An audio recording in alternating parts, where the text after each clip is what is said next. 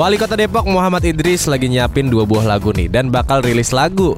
Lagu ini bakal ngambil tema pandemi COVID-19 dan kabarnya bakal dipublikasiin dalam waktu dekat. Judulnya adalah Merajut Asa dalam Bencana dan yang kedua adalah Bangkit Indonesiaku. Jadi kedua lagu ini adalah keresahan Idris terhadap situasi pandemi yang dirasa sulit.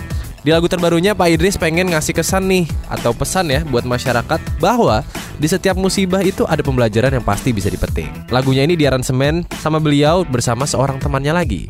Dan lagu kedua Bangkit Indonesiaku adalah harapan setiap pemimpin di Indonesia. Wah, Pak, satu periode bikin lagu. Kalau dua, dua album nih.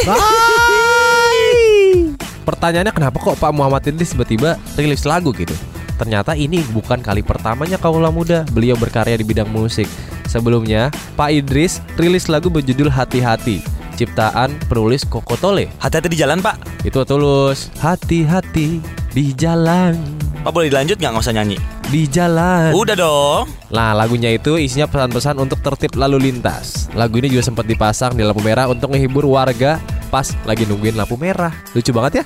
Lampu merah jangan sampai lolos. Lampu merah tepi laut kalau suka Boleh sikut lah. Kok suka malah disikut gimana sih?